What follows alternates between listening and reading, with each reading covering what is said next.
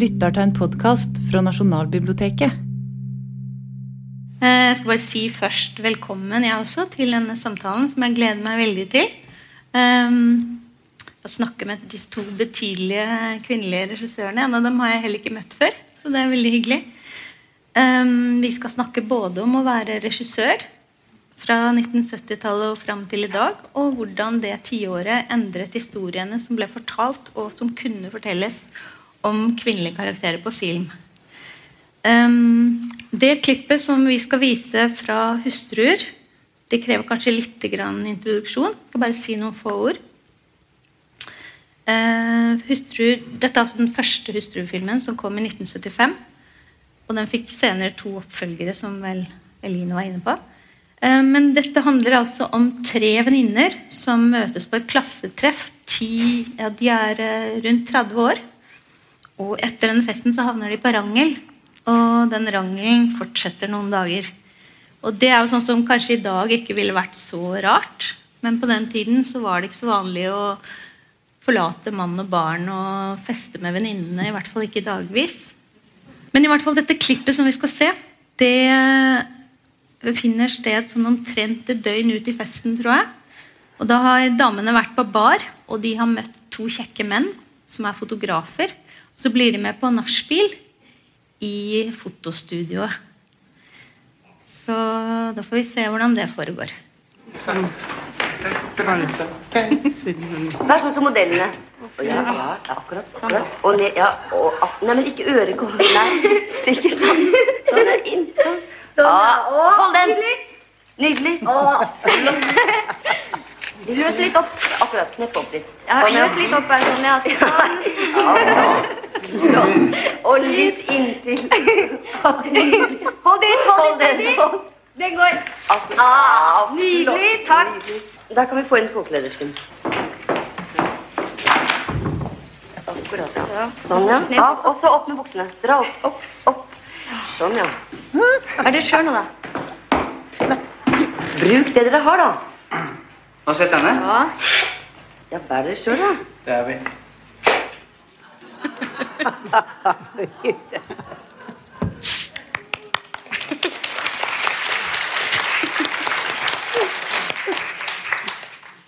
Ja, Det begynner jo med at, eh, at de vil fotografere jentene, ikke sant? Så sier de nei, vi vil fotografere dere.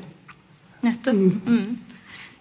Kan du, jeg er så spent på hvordan dere spilte inn den scenen. Hvordan Er det improvisasjon? Og hvordan fikk du Mennene ser veldig sånn avslappet og Ja, koser seg med de har jo spilt en scene først på bar, hvor de treffer dem, ikke sant?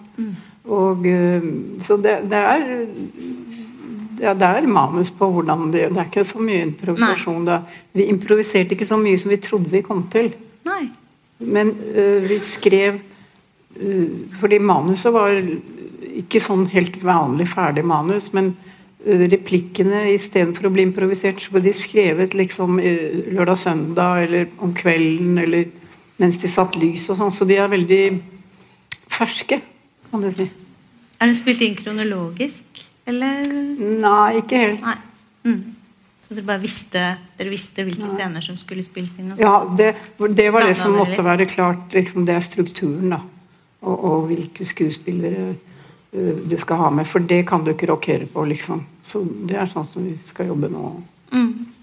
Men det var ikke noe vanskelig å få gutta til å eh, tøyse og være mannekenger? Jeg tror de syntes det var litt gøy. Han ene, han er fotograf. Oh, ja. Helge Jordal er jo skuespiller. Men han, det var han, veldig ung og pen der, for oss som har Ja. til at den er litt eldre. Ja, det gjelder oss alle. Men, eh, men eh, altså Fotografen, det er hans atelier. Så da fant vi jo alle Så du ser på film så ser du nøye alle de bildene som ligger, og der sitter Kaja alene og gravid. Er det hans oppblåsbare dokke også? Som, Nei, det, det var manus. Det, det 1250. Jeg trodde det var bare 400. 1250 kroner. Ja, dyrt. Ja, det var veldig dyrt den gangen. Ja, filmen kostet 1,3 millioner. Tenk på det. ja. Nå vil den koste 13. Kan du fortelle litt om eh, bakgrunnen for denne filmen? Inspirasjonen bak? Ja. at det var litt forskjellige, ja. flere ting som har inspirert den. Ja, det som, Den filmen er egentlig utenkelig hvis ikke Nationaltheatret hadde holdt på med oppsøkende teater.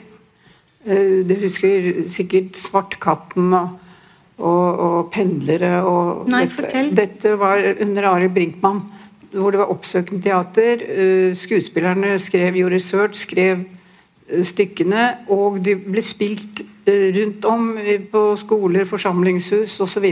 Oh, ja. Og Men oppsøkende betyr det at de At folk ikke visste at de kom? eller? Nei, nei. Det var mer at teatret oppsøkte publikum. Ja.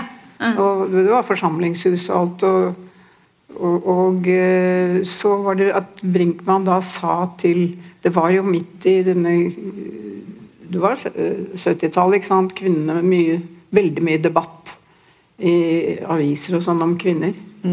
Og så, og så eh, sa han til skuespillerne da at eh, dere får ni måneder på dere hvis dere skriver et stykke.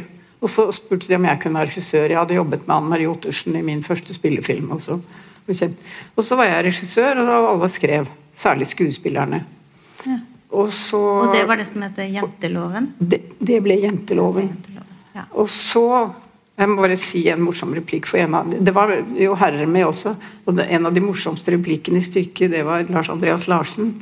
Som sa nå har dere vært undertrykt i over 2000 år, men hvorfor skulle det absolutt gå utover meg?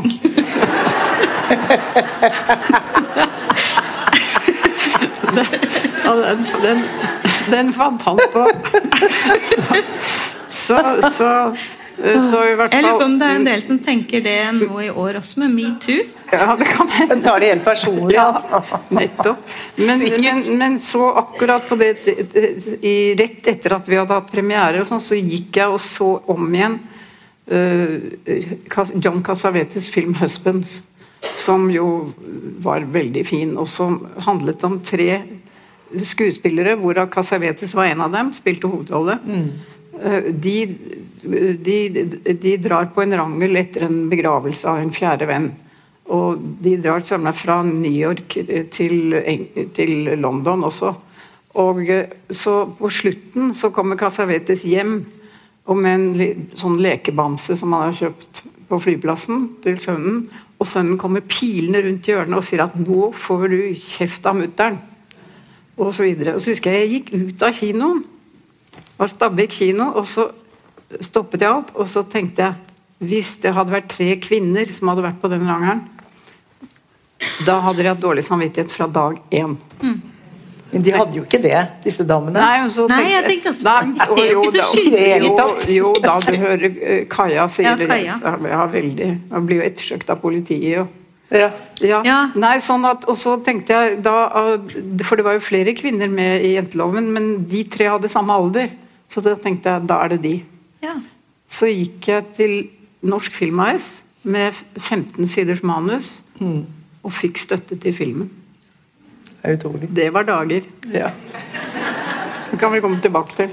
ja, eller vi kan ta det med en gang like godt. For jeg har min erfaring er at hvis man sier det kan vi komme tilbake til, så glemmer man å komme Ja. tilbake til det.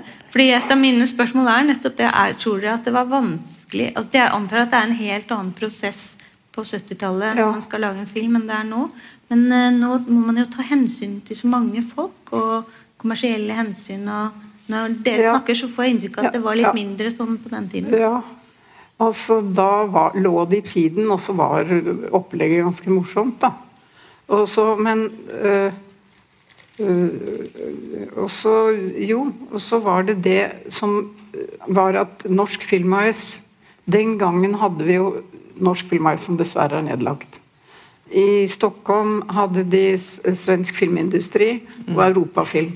Og disse studioene de hadde jo alt. De hadde administrasjon, de hadde klippavdeling, de hadde miksestudio, de hadde atelier. De hadde alt det som man nå må gå ut og leie seg til. Og det gjorde Derfor så kunne de si, og så si at de kunne lage filmen. Og så angret uh, Tror Borge angret etter en stund, så sa jeg men den blir morsom. Angret han? Ja, han var litt begynte Hva var det du hadde gjort da, da han Nei, jeg vet ikke. Det var noe med å få at, Og han de hadde penger til og alt sånt. Mm. Jeg vil ikke si at det var eh, sånn for meg. Nei, for det var, ikke det var egentlig det, med det, sier. Ja. Ja. Det der er- Nei, det gikk ikke. Det er Jeg har å være hatt sammen, eh, nok eh, Jeg tror jeg har levert et manus inn både fire og fem ganger før jeg har fått penger til det. Men det var en spesiell situasjon så- når du snakker om norsk film. Så hadde han en slags uh, regi ja, ja, noen regissører som laget film for norsk film. Og Da var jo du faktisk en av de som hadde det forholdet. Det var mitt inntrykk i hvert fall. For du fikk jo laget mange film. Ja, du laget en som dessverre ble kalt voldtekt, som het 'Tilfelle Anders'. Ja. Og den kom til Cannes, vet du. Ja. Til, øh, det var liksom rett etter at øh, de hadde gjort opprør, og, så Mm. den det som Directors Fortnight oppsto som en sidegren. Kan, og, og da ja. var det veldig spennende filmer der. Og det at den kom ut, det tror jeg gjorde litt Og så han tenkte blir det en komedie, så ja, jeg tror det var noe der. Ja. Men vi snakker nå så om. Erik Borge, som var direktør for Som var direktør, ja. 20 år, ikke sant? Ja, det var vel det. Mm. Sånn- Nei, det er klart at uh, det hjelper å komme til Cannes. Uh, jeg var jo der med Fortnite i, for Exit med og så Ja. Certain Regard og i Ja. eh, eh, Hva heter den andre, da? Ja, det var i hvert fall to ganger som regissør der nede. Ja. Men faktisk, det ble ikke det ble ikke lettere. Uansett. Nei. Sånn at det er et poeng Ja. at mm. det har uh, å gjøre også kanskje med at uh, vi produserte da ikke på norsk film, Nei. men vi var Ja. utenfor norsk film. Ja. Og det var provoserende for norsk film, fordi vi hadde alt det utstyret som du snakker om, som de hadde på norsk film. Så vi var ikke noe profitabel. Vi leide ikke hos norsk film. Nei. Vi leide Men dere av, av oss selv. dere hadde utstyret selv. Ja. Alt. Hvordan kom det i stand? Eh, vi kjøpte et konkursbo fordi at eh, når, vi, eh, når jeg skulle søke på Løpejenten, så fikk vi nei. Eh, Hvor da? På norsk film. Han, han valgte å lage 'Liten Ida' av eh, Ja, ja. Laila. Det er en er veldig bra fin, film. ja. Men eh, i hvert fall vi fikk nei. Og da gjorde Terje, som var min produsent, da, eh, han gjorde en eh, direkte henvendelse til Førde. og så det var noe penger igjen et eller annet sted, sånn at vi fikk det. Og så etablerte vi da vårt eget produksjonsselskap fordi vi følte at vi måtte frigjøre oss helt fra institusjonene. Eh, og det var ut fra min erfaring også, når jeg hadde jobbet sammen med Pål Løkkeberg og de filmene vi laget sammen, så, så følte vi at det, var, eh, at det var et veldig press på å bli preget av eh, institusjonen, på en måte. Og for de ville jo ha innflytelse. Ja. Og jeg vil ha minst mulig innflytelse. Så derfor er det også sikkert en grunn til at jeg fikk større problemer med å få penger. Men jeg har aldri fått lett penger. Nei. Men jeg synes den der, den der historien som du nevner der nå med at eh, det synes jeg var, Jeg leste om det. Og at, at Terje Kristiansen, som var din kreative produsent, kalte det til meg. Mm. At du fikk nei, også, men så fikk han vite at det var igjen litt penger i potten på slutten av året. Stemmer ikke det? Og, tenkte jeg, men jeg kan jo søke. og da tenkte jeg for en god idé! Sånn er det jo sikkert i dag også. Tenk hvis man bare kunne søkt på restpotten. Det er jo Nei, men du vet, da får du reaksjoner hos selve miljøet. For da har du sneket i køen, eller du har gjort noe utradisjonelt, og da blir du Men det er jo ofte penger som blir bare må, må det, tilbake et ja. et sted. Eller, Ja, så Jeg tror ikke det er så mye kreativ tenkning på den måten lenger. Og jeg tror ikke muligheten er der heller. Nei.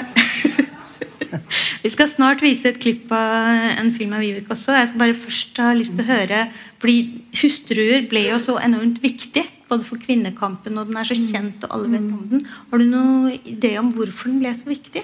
Det var en utrolig debatt. Altså, menn, mannlige journalister og kvinnelige journalister. Det var veldig Men var den kontroversiell?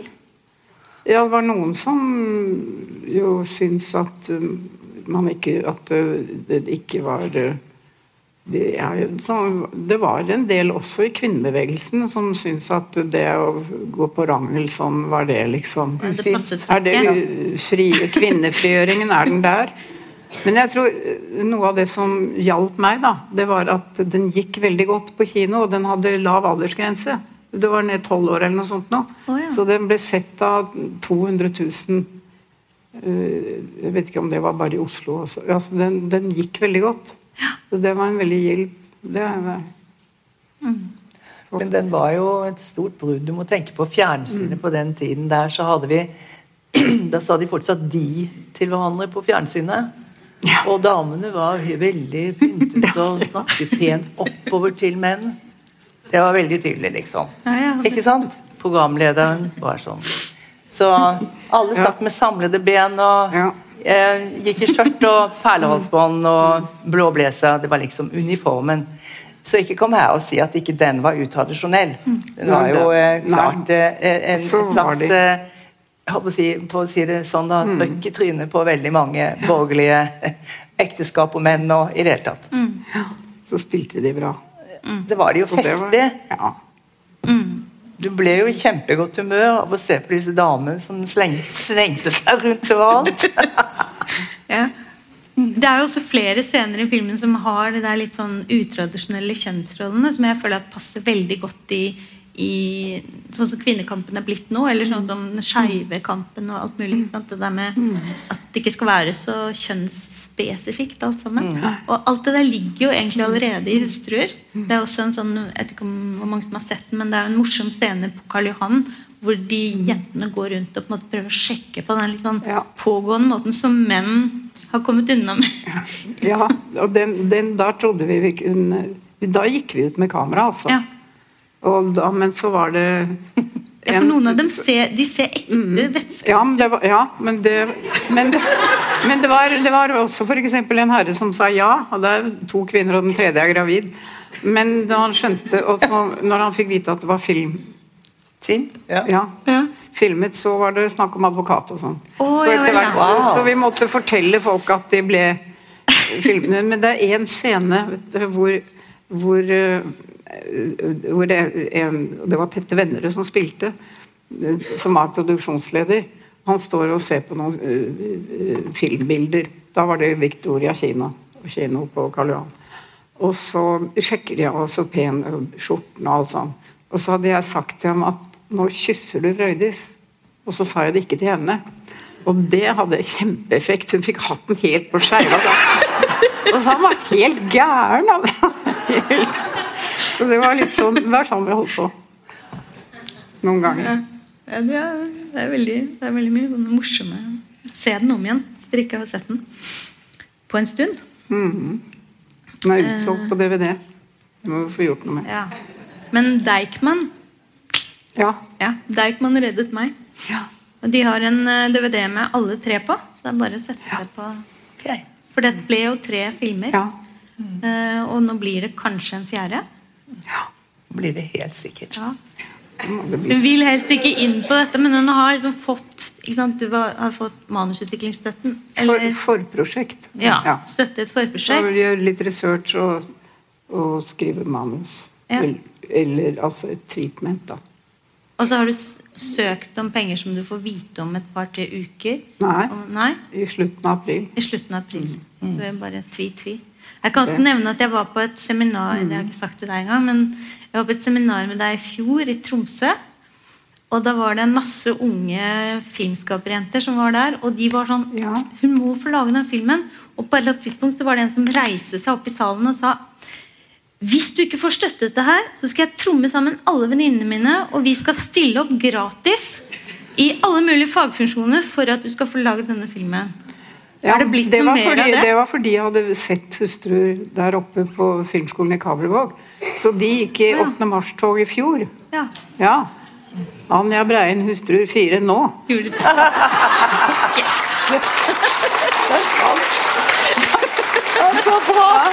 Og Det, det, bra, Det, det ble lagt ut på nettet. Ja. Ja, Det var litt men, gøy. ja, det var Det må jo bare bli noe av. Ja. Ja, men da tenker jeg at vi skal gå videre til neste film. Vi kan jo komme tilbake til dette her også etter hvert. Men nå skal vi vise et filmklipp, eller to filmklipp fra åpenbaringen av Vibeke Løkkeberg. Eh, Dette er en veldig kompleks film. Det er masse spennende med den. Vi skal snakke med det etter hvert. Det er en spennende form. Og så sparket den i gang det mest i hvert fall en av de, kanskje den aller mest skandaløse mediesaken i norsk film på 1970-tallet. vil jeg si. Den såkalte rumpefeiden. Sikkert mange som har hørt om den. Man kan diskutere om det var filmen eller dekningen av den som var mest skandaløs. Men nå skal vi se to klipp. Og Hovedpersonen i åpenbaringen er Inger. Hun er 50 år, hjemmeværende husmor, spilt av Marie Takvam. Når barna flytter hjemmefra, så forsøker hun på ektemannens oppfordring jeg tror han til med skaffer henne jobben, å ta seg en jobb utenfor hjemmet. Men det går ikke noe særlig bra. Hun lykkes ikke så veldig godt med det. Hun blir veldig stresset. og Mannen har også egentlig en affære med en yngre dame på kontoret. Men det tror jeg hun ikke vet ennå i denne scenen. Hun har jo absolutt en idé om at det ikke står så godt til med ekteskapet heller. Men nå er hun altså pensjonat alene. Det vet jeg ikke om hun har opplevd før heller. Det går heller ikke sånn kjempebra. For når vi kommer inn i første scenen, da har hun dette lille sånn sammenbruddet sitt. Hun står i vinduet og syns plutselig at hun opplever noe som eh, dere får se. Og så blir hun redd og løper etter hjelp. Og det som hender da, det fører til en samtale senere på dagen. Så da kommer vi til å gjøre et lite hopp og vise også et klipp fra den scenen.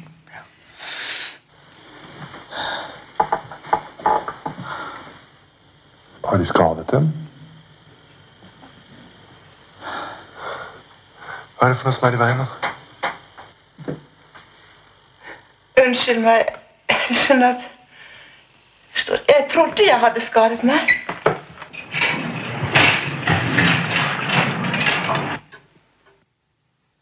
Før i tiden Altså, man Jeg forresten, for eksempel, visste ikke om noe slikt. Jeg har aldri Jeg har vært gift jeg vet du, hele livet mitt. Jeg har aldri opplevd noe slikt, jeg. Mener du orgasme? Ja, det, det er vel orgasme. Jeg vet ikke. Det var ikke sånn før i tiden. Har du ikke snakket med mannen din om det, da?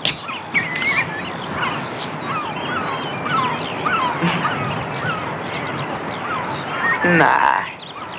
Tror du han ville forstå noe av det, da?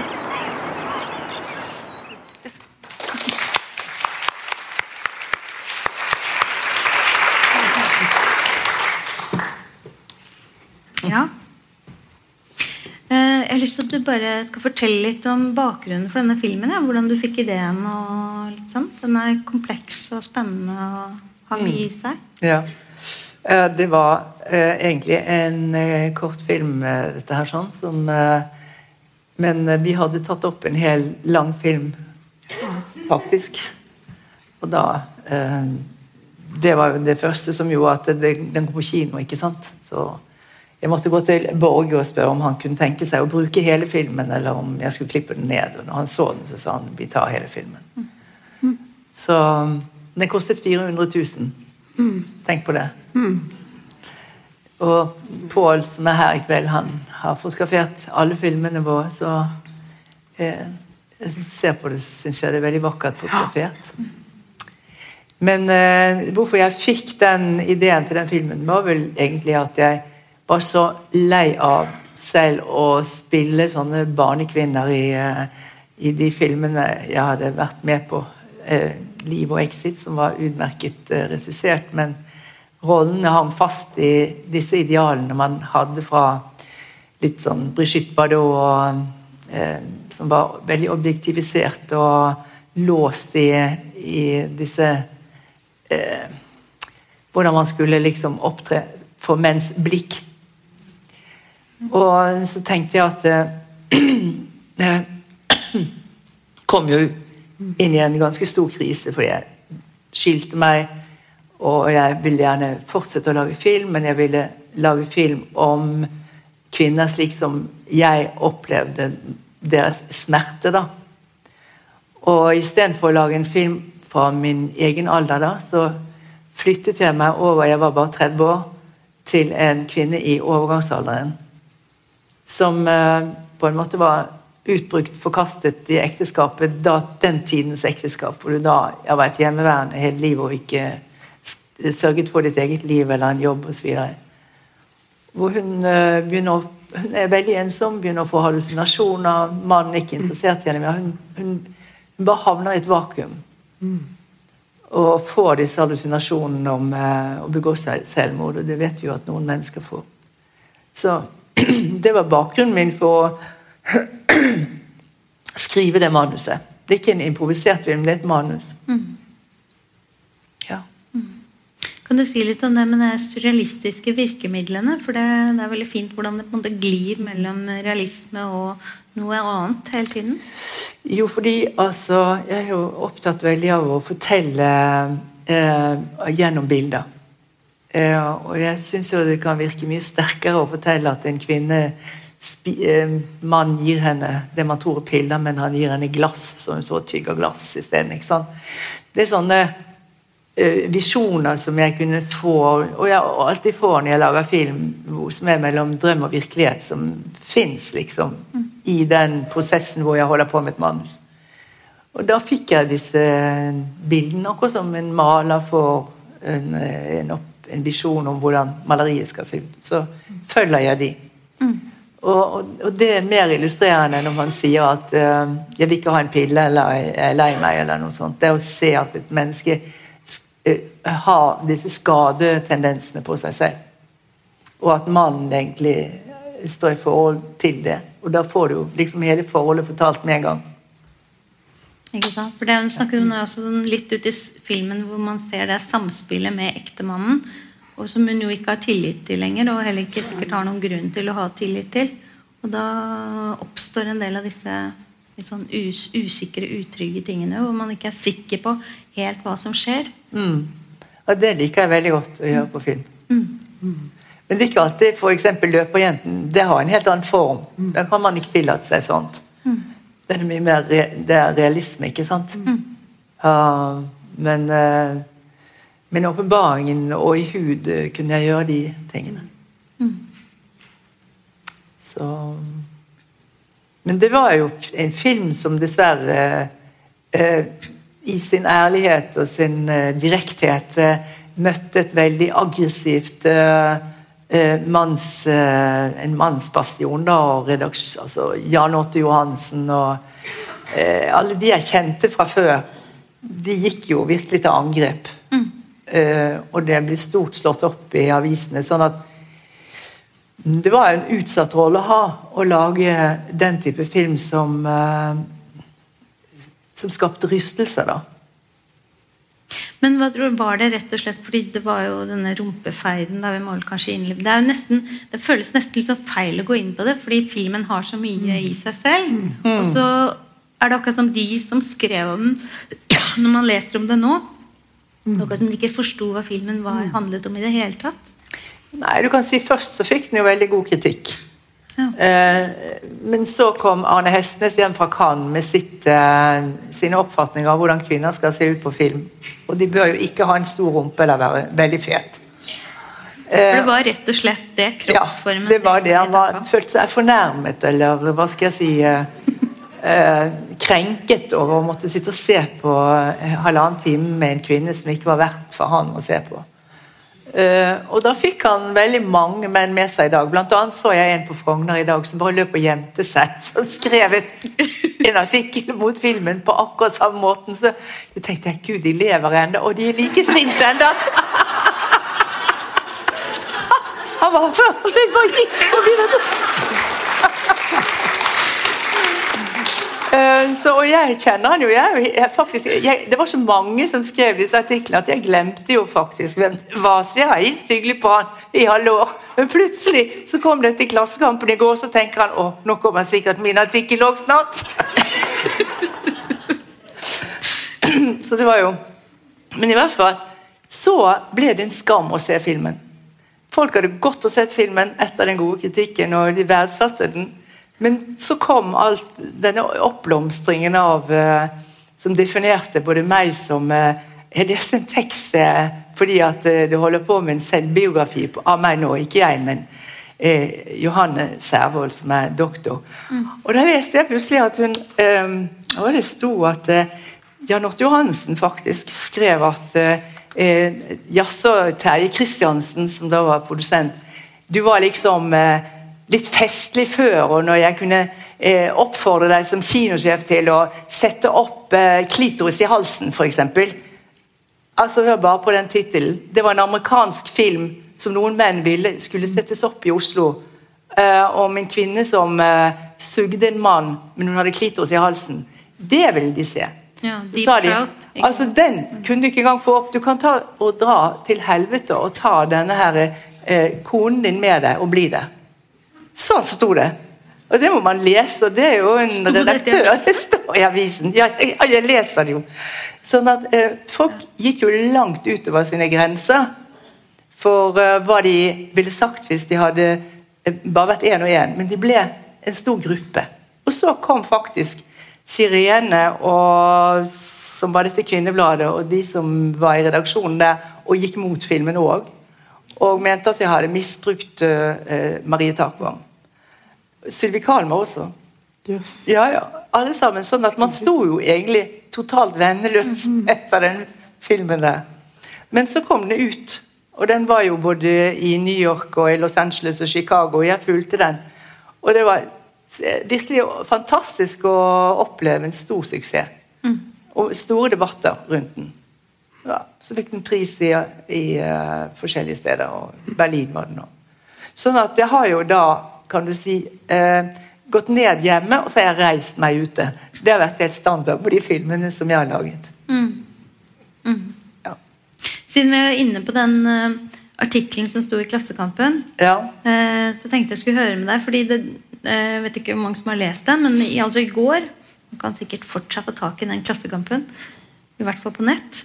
Eh, Så skrev Wenche Larsen, jeg vet ikke hvem det er heller men vet, Det er en doktor som Ja, akkurat. En forsker. Ja. Som skrev en lang artikkel hvor hun hevdet at du som kunstner ble knust av den norske mottagelsen og fikk karrieren din ødelagt. Du fikk jo nærmest et slags yrkesforbud etter hud. Ja, i hvert fall når det gjaldt eh, spillefilm, fikk jeg ikke eh, gjort noe mer. Men Eh, du mener sant, at på en måte seksuell trakassering er det som stoppet karrieren din? Ja, altså jeg, eh, Hvordan hun sa hun det liksom at eh, ja, Jeg vet ikke hvordan jeg skal forklare det. Men hva tenker du om det i dag? Jeg, jeg, for det første er jeg ikke knust, da. Det står for desken i Klassekampen sin overskrift. Det var ikke hennes. For jeg har jo skrevet fem romaner etterpå, og jeg har laget 'Gazas tårer'. Sånn at eh, jeg har vært høyst oppegående. Men karrieren min som filmregissør uh, innenfor de temaene som jeg vil lage film på, det ble, det ble stoppet. Og så Det kan man trygt si. Mm. Og det er jo også det er, Når man leser det nå, som jeg som ikke var det så oppegående på den tiden, eh, så er det helt sjokkerende å se hva, som, hva det ble utsatt for. faktisk. Fordi etter hud, hvor det er en slags sånn klausul på at du får ikke lov og Hvis du skal lage flere filmer, får du ikke lov å involvere familien din.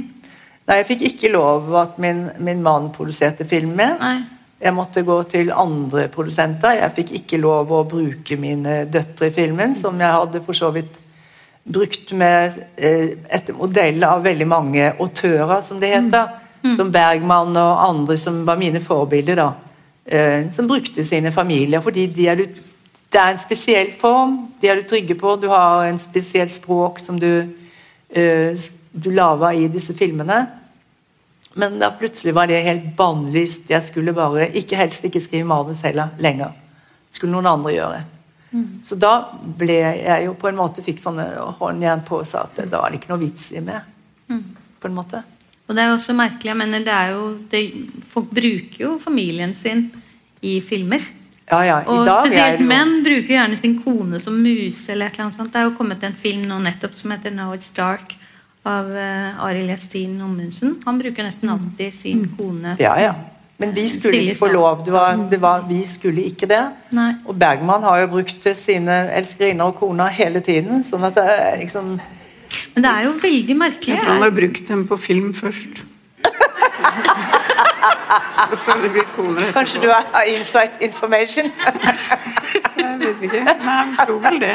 Du mener det gikk veien om film, og så Men eh, du vet, nei, det stemmer ikke. For han var, giftet seg ikke med skuespiller. Nei, jeg vet, Nei. men han hadde jo Man vet jo liksom at det har vært attention der. Det var jo ikke bare Liv Ullmann som var hans uh, elskerinne der. Det tror jeg ikke. Men, eh, men det er jo fritt for folk på å gjøre hva de vil. Eh, på den måten. Men jeg syns det var helt naturlig Fordi jeg hadde jo jobbet med Pål Røkkeberg først. Jeg var jo kona hans. Vi jobbet sammen. Det var liksom modellen min. Å ta de nærmeste venninnene tok jeg med meg, og slektninger eh, Mens vi er inne på det Cassavetes. Hva? Cassavetes. Ja, Cassavetes var jo mitt ideal, faktisk. Han gjorde det samme. Ja, med fantastiske komedier. Ja, og du får helt andre typer Ja, klima i de filmene. Det er jo som Anja, hun jobber jo da om igjen og om igjen med disse jentene sine. Ja, Ikke sant? Det, ja det er ikke, de- den filmen, ikke ja. husstoa, for eksempel. ja. Men når du ser tilbake i dag, har du noen teorier om hvorfor akkurat du ble utsatt for dette her? Nei, det vil jeg ikke ha engang. Nei. Det er sikkert Det gidder jeg ikke å tenke engang. Så det, det kan uh, hun forskeren gjøre som skriver biografien. Ja. Mm. Men mens vi er inne på det med Du begynte jo egentlig som skuespiller. Mm. Og spilte altså disse to litt sånn nybølgeaktige filmene til Ja. eh, din mann. Uh, og så ble du trøtt av det, som du snakket om også. At du ville gå fra å være objekt og til å ta subjektrollen. Ja, altså jeg, jeg tenkte sånn at hvis, jeg skal fortelle noe om kvinner som eh, vedkommer meg, og jeg følte andre, så må jeg fortelle noe sant. Og da ser det ikke ut som at denne konstellasjonen vil gi åpning for det. Eh, og jeg syns ikke jeg så veldig mange eh, regissører som klarte det grepet der. Så jeg hadde lyst til å, å, å selv å lage film og, og forteller om kvinner, eh, kvinners ståsted da, i eh, filmene mine. Det lå meg nærmest å gjøre. Ikke fordi at ikke menn interesserer meg, men jeg, men jeg syns liksom at det var det minste. Og det ser vi jo fortsatt at det er. Vi er jo halvparten av historiene, som det ble sagt i mm. det blir ikke tatt hensyn til når det gjelder film. Ja. Nei. Mm. Men det er interessant også å ha dere to på scenen nettopp fordi dere begynte på en måte fra forskjellige vinkler i, eh, i den norske filmbransjen. Du arbeidet deg mer inn, mens du er jo, man kan jo bli, Når man leser din filmografi, så blir man jo liksom full av ærefrykt allerede når man leser om eh, utdanningen din. For den franske filmskolen er jo så velrenommert, og du begynte altså der. Og du lærte mm. fransk også, tror jeg, for å begynne der. Ja, Det er, måtte det er ganske bra, altså. Jeg blir- Det var ikke noen filmskole i Skandinavia. Nei. Nei. Men hvordan kom det? For jeg har hørt et eller annet sted at uh, du ble inspirert til å søke den franske filmskolen fordi Pål Løkkeberg ja, Jeg leste i avisen at han Ja. hadde gått på filmskole, så Ikke jeg sant? oppsøkte ham til og med og spurte Ja. han og sånn. Ja. Det husker jeg veldig godt. Da bodde han hos moren sin oppe i Majorstuen. Akkurat. Ja, så- Og så husker jeg Så uh, fikk jeg snakke med han. Ja. Og så snakket han om en masse regissører som ikke jeg kjente navnet på. Ja. Sånn. Så tenkte jeg nei, det uh, Ja, så, så dro jeg rett etter artium til Paris og, og uh, lærte fransk. Men Ja. jeg skjønte Og da var jeg på den filmskolen også. Og jeg hadde vært scriptgirl på en film også. Men jeg skjønte at jeg, Var det, det var sult? Eller? Nei, Nei, det det var var, det, jeg var Mens jeg gikk på skolen Jeg eh, overtok etter en scriptgirl på en film som hun fikk, eh, Plutselig begynte folk å få eh, jobb på TV, vet du, få fast jobb. Hun het Leiken Fugt, og hun jobbet på en film av Nils Müller. Og, eh, og så, så ble jeg lært opp av henne i 14 dager, og så var jeg scriptgirl på den. Det Det het, på den tiden het det faktisk scriptgirl? Ja. Det var Ja. Mannlig skript var Ja. umulig. Ja. Jeg, jeg husker jeg, jeg var i Amerika etter at jeg hadde vært skript på Sult. og så var Det noen som, det var en fantastisk film, og så var det noen som spurte hva var min jobb på filmen. Så jeg skript. Jeg var skript. Og så, tro, og så ble de så veldig imponert. Jeg skjønte ikke hvorfor, så de trodde jo at jeg hadde skrevet Skrevet manus. manus. Ja, ja. Så det skjønte Men du sier det at eh, Nei, jeg, jeg gikk ikke på skole, men jeg hadde kommet inn på teaterskolen. Før det så hadde jeg kommet på, inn på eh, eh, den italienske filmskolen. Eh, I eh, Hva heter den igjen? Chinchita? Nei. Ja, Chinchita. Ja. Jeg var til konferanse og snakket Ja. med direktøren, og Ja. de sa velkommen, du kan begynne i morgen. Ja. Det var jo virkelig fantastisk. Men hvorfor ble det ikke noe? Nei, jeg reiste hjem. jeg, jeg ville ikke bli i Italia. I, eh, i, rett og slett. Men, Men nå eh, bor du i Italia? Hva? Nå bor du i Italia? Jeg bor ikke i Italia, Nei, ok. men uh, jeg har En del av året. Eh, men i hvert fall, det er noe helt annet å jobbe der som dame og gå på skole, for der var det ingen damer som gikk på den skolen. Ikke i den regiklassen, i hvert fall. Men, så, Men de ville ha deg inn ja. i Det var de faktisk ikke i Frankrike. Nei, det var jo helt eh, Ja. nytt. Men når jeg kom hjem, da, så begynte jeg på teaterskolen, og så ble jeg invitert av Pål Løkkeberg med en gang til om kan ikke vi lage film sammen. Mm. Og da baserte vi oss på den historien om å være fotomodell, og Mm. vi skrev sammen. og uh, så, så han hadde veldig sånn uh, tro på meg, og støttet seg veldig til meg, følte jeg. Og, så jeg fikk jo være med på hele manuskriptene, på Mm. produksjonen og på klippingen. Og da har du på en måte gått til en skole Ja. Mm. som er helt reell. For dette skal til og med ut. Det er ikke bare et skolearbeid, på en måte. Sånn at ø, min læretid var jo der. Mm. Så du som skript kunne jo også lære Ja. det å være til stede. ja, ikke minst på Sult. Ja. Da har du den eneste ved siden av fotograf og regissør som kan alle bildene. Riktig. I gamle dager da når det var film Mm. som kunne ripes i stykker og sånn. Men når du er skuespiller, så lærer du jo veldig mye Mm. om film. Ja. Hvis du er, det er den andre siden av kameraet. Du, du skjønner. Mm, klart det. Ja. Men eh, da du begynte på Fordi du ble tatt opp på den franske filmskolen, og du Mm. ønsket å gå regi. Når du kom ned, så oppdaget du da at du ikke var på regilinjen. Ja, nå, eh, ja. Var det ikke? Var det ikke Nei, sånn? det var, altså På den skolen så var det franske studenter tror jeg stadig gjør det, at de forbereder forskjellige skoler og bruker et år på Det var veldig vanskelig for dem å komme inn. Oh, ja. Derimot så betalte vi, vi som eh, kom utenfra, for det var vel fra mange land, vi, betalte for oss. Jeg husker 1200 franc i året, men jeg, jeg hadde til og med fått fransk statsstipend når jeg søkte. Og da eh, så kom jeg inn på denne det var tre måneder nei, skolegang, eller altså hvor du lærte litt forskjellig. Og så egentlig tror jeg det var veldig mye for å se om vi kunne følge med på undervisningen på fransk, da. Men så jeg Skal jeg dra den historien, da? Det er sikkert mange som har hørt den. Ja, jeg kan jo gjøre det. Ja, gjør det. Det er Ja. veldig fin Er det historie. ålreit? Ja. Jo, fordi at eh, da, den dagen det er eksamen, uh, som vi måtte gå gjennom, så ser jeg at jeg er ikke oppført på regi. Nei, nettopp. Og, og så var opprørt på skript, eh, montasje, altså klipning. Ja. Og så, Da fikk jeg sjokk, altså. Og lå studielån og hele pakka. Så jeg dro ned, her, eh, dro ned til rektoren, som hadde kontor på Champs-Élysées. Der, der lå ikke skolen. Men, så, og så var jeg helt uh, lettere hysterisk, tror jeg. Og sinna òg, altså. Og så, så sa han til slutt da Jeg sa jeg har fransk statsstipend. Sånn, ja, nei, men dere, vi vil ikke ha kvinner på regi. Dere bare får familie, og så blir det ikke noe. Så, Hva? ja. Sånn, for unger. Og sånn, så sa han altså, så, Det sto på det med at jeg hadde fransk statsstipend. Da. Så, ja, ja, så han, hvis det er noen som faller fra, eller hvis du gjør en veldig god eksamen, så, så skal vi vurdere det. Så kommer den dagen hvor vi skal skrive filmmanus på et synopsis til en spillefilm på seks timer. Ut fra en gitt situasjon. Og situasjonen er den at det er en jernbanestasjon. Folk sitter og venter på toget som kommer. Toget kommer ikke. Vær så god. Da er det jeg kommer til å tenke på at jeg hadde sett et stykke på TV-teatret av Johan Borgen som het 'Mens vi venter'.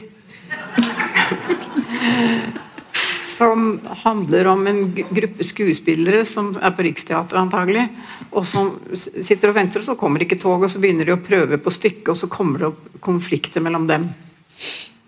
Og så tenkte jeg shit, det stykket kjenner ikke jeg. Så jeg, jeg gjorde det veldig nordisk og snevær, og, det var, og, og sånn, og så sitter disse skuespillerne og sånn. Så fikk jeg beste karakter å komme inn.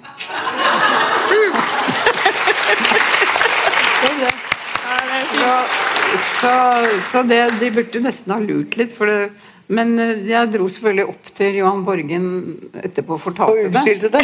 Ja, nei, han, han var kjempe... Det var han som egentlig kom inn. Ja, han, Han, han var kjempefornøyd, og han hadde alltid vært imot brukskunst, men dette var skikkelig brukskunst. Så sånn var det. Sånn kom jeg inn. Men det betød jo ikke at jeg gikk bare sammen med gutteklasse, for nesten de fleste kursene var både skriptmontasje og fotografer, og alle, alle var sammen. Så jeg, jeg, var ikke egentlig isolert. Nei. Mm. Ja, ja, det er i hvert fall historie. Det er en veldig fin, fin historie. Men jeg tenker på med, med, den bakgrunnen at du gikk jo der og fikk hele den der Du så så veldig mye film, tror jeg, da du gikk der? Vi gikk jo på Cinemateket, og det, det, var jo på slutten av den franske bølgen. ikke sant? Jeg husker Godards 'Vivre sa vie' den, så, å, den har premiere klokken ett på den og den kinoen. Da, da skulker vi, for det, der, vi går jo på filmskole. Ja. Ja. Mm. så det var veldig gøy å være der da. Og det var morsomt også at det var folk fra forskjellige nasjoner. Mm.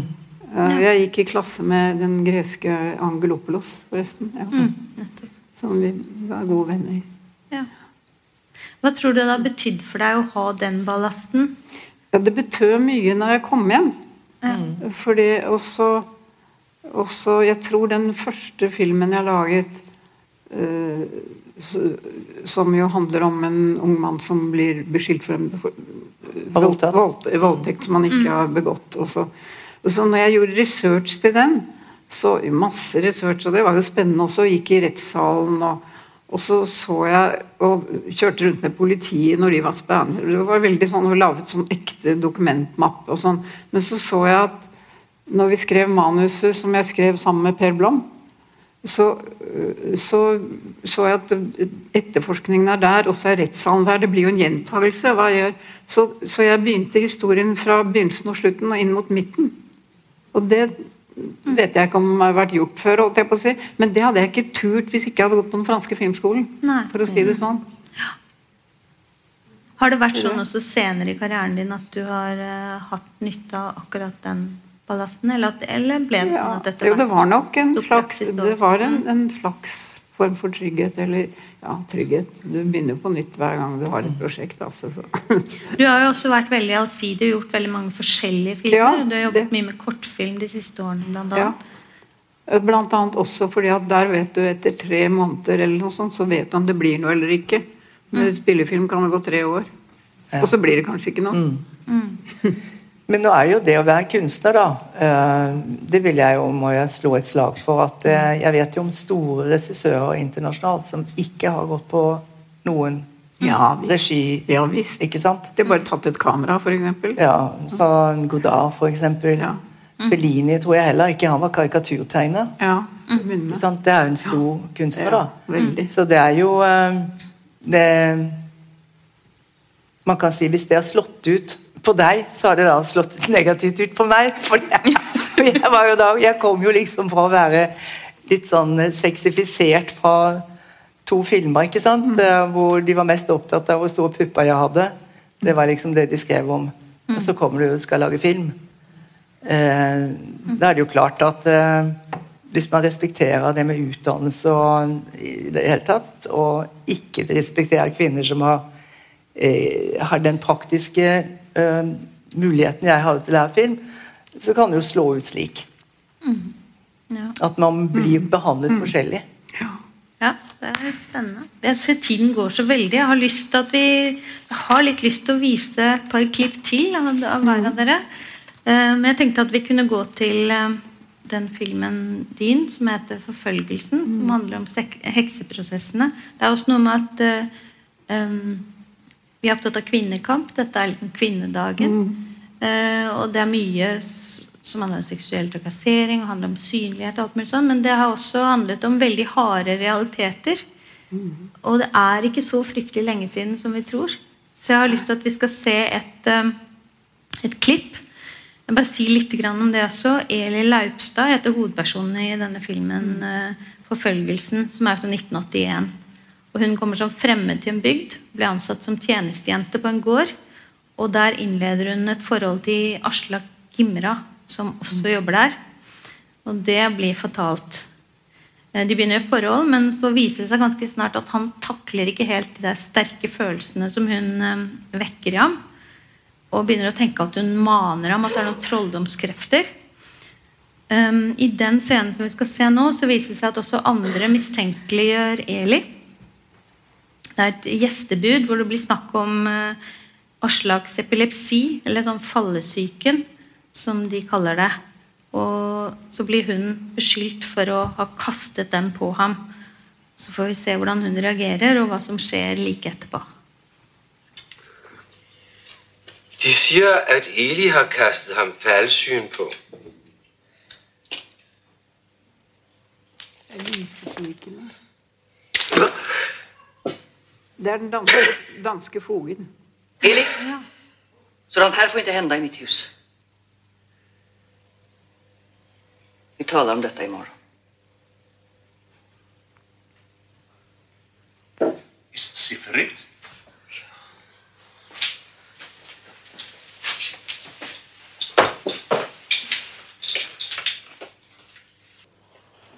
Ligger store steiner. Der står et langt bord. Og der satt Satter Svein i lag med kvinnfolk fra bygda. Alle hadde røde hatter og lengtende sammen til hverandre. Og under bordet bolager og lappesels med Satan. Og- Og det var masse av smør og øl og mat. Og, og Inne i fjellet spilte djevelens orkester.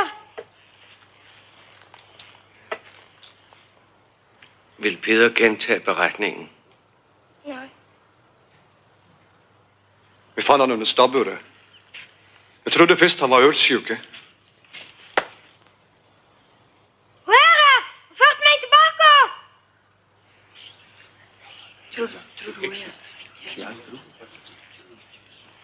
Vi må finne hende. Vi er mange nok, og det kan være hurtig gjort. Alle leder som bedst de kan. Vil du sende bud efter bundelensmanden?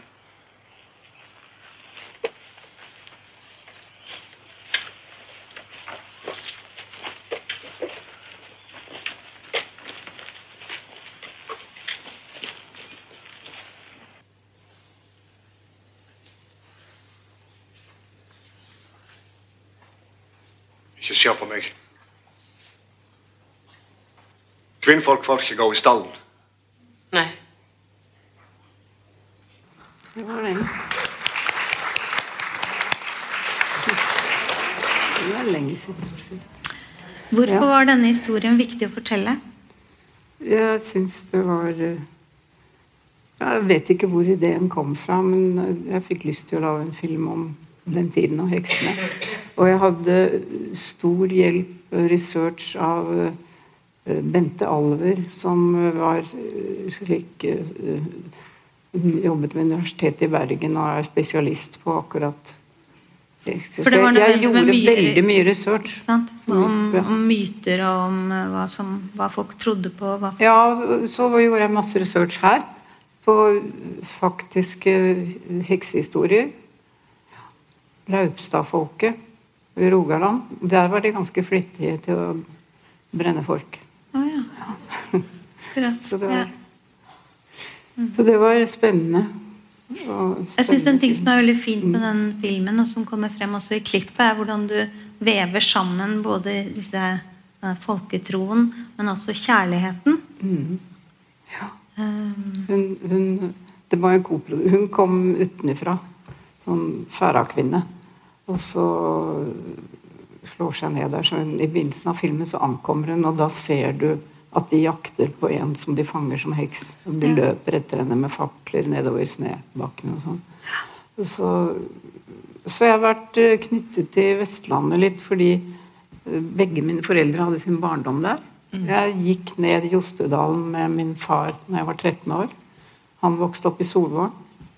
Det er en kortfilm også. mm. En veldig fin Sånn, film. Det så, også anbefaler. så den tiden Så den første filmen jeg laget, var jo en, episode, en av episodefilmene i 'Dager fra tusen år' som var, handlet om Jostedalsrypa. da. Mm. Så det er litt det er veldig tilbake til Vestlandet. Mm. Det historiske stoffet har interessert deg.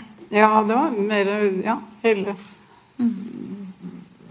Ja, bestefar var skriver i Sogn. Mm. Ja. Mm. Jeg har lyst til å spørre om en ting, fordi det er noe som slår meg altså, Denne Aslak han er jo ingen spesielt sterk mann. Nei. Eh, og Du har jo også lagd en annen film som vi dessverre ikke får tid til å se klipp fra nå, som heter 'Den alvorsomme leken'. og Der er vi også en litt sånn, litt sånn sveklingaktig mann. Og jeg synes det er litt sånn spennende Nei, litt sånn, de blir sånn Hvis, hvis kvinnene sier sånn 'Deg vil jeg ha', da feiger det ut. Og det er en sånn karakter som jeg syns jeg har sett så mye på norsk film. Og, og litteratur. Kristin Lavransdatter. Det er alltid en eller annen sånn som man gjerne vil ha, og så er han egentlig ikke Han takler ikke de sterke følelsene.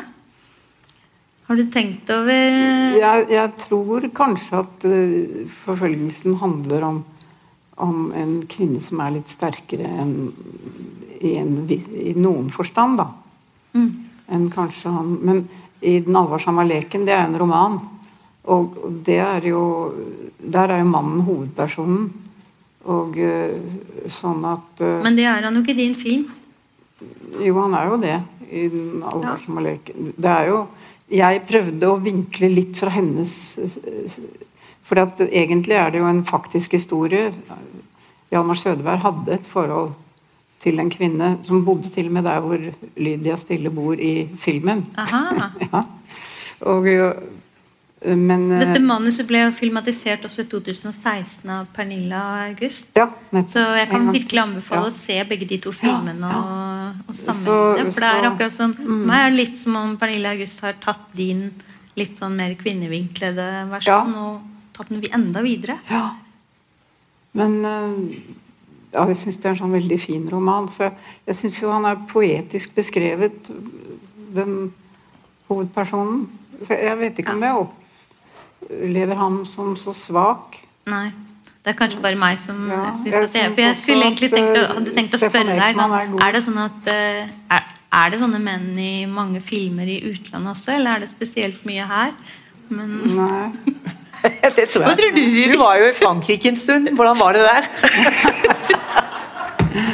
I Italia var det ikke sånn. Nei. Nei.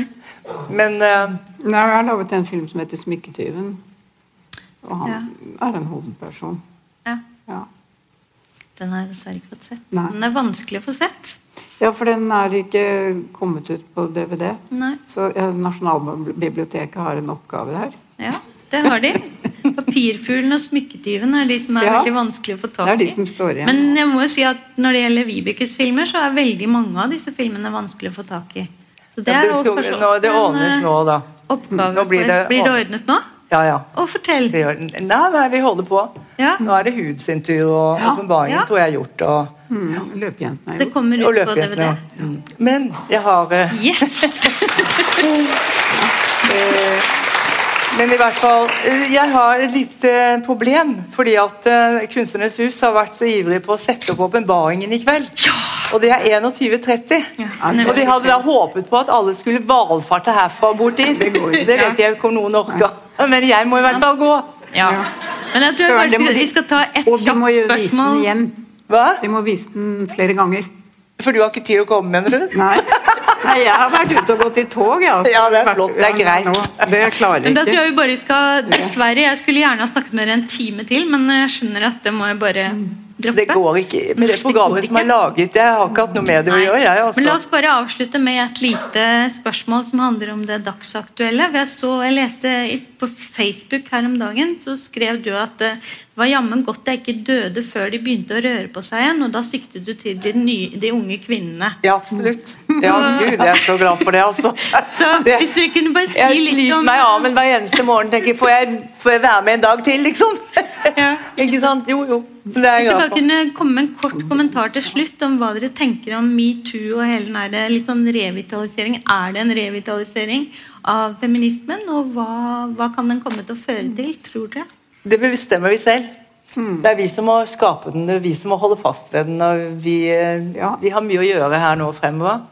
Så, øh, fordi at eh, hele grunnlaget for at det skal blomstre både i vår generasjon og blant de unge nå, den er til stede. Sånn at vi er historien. Vi kan sikkert bringe ting som er viktig for de unge å ta med seg.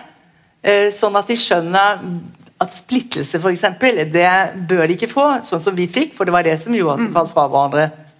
Og så er mennene alltid vært veldig smarte og intelligente, så de vet jo at åpner vi en dør, så tar de og åpner en annen, som gjør at eh, alle blir forvirret, og så hopper man over på deres premisser igjen likevel. Så man må, man må skjønne at her er mange døråpnere, mange som har lyst til å ta premissene tilbake igjen. Så Ja, jeg tror det skjer. Men det er litt tidlig å, å, å si. Eh, Jeg hadde en samtale med hustruer om det. Ingen, verken de eller jeg, har følt De har jobbet på teatret og har ikke følt seg trakassert. Ikke det? Nei. Det er kanskje de det- som har trakassert noen, de som er så gærne. De lærte, de lærte i den filmen hvordan sant? de skulle operere. der tok de roet, liksom. Jeg, jeg jobbet jo i vampyr... Sammen var jo en del av gruppen Vampyrfilm. Mm. Det var uh, Men det, syv- var det noen andre kvinner der, eller var du Nei, ja, det var meg og syv karer. Og jeg trakasserte ingen av dem. Det tok jeg nå på. Ikke i det hele tatt. Da tror jeg vi må la det bli siste ord. Tusen takk for at dere kom, og Jo, tusen tusen takk takk. til publikum også.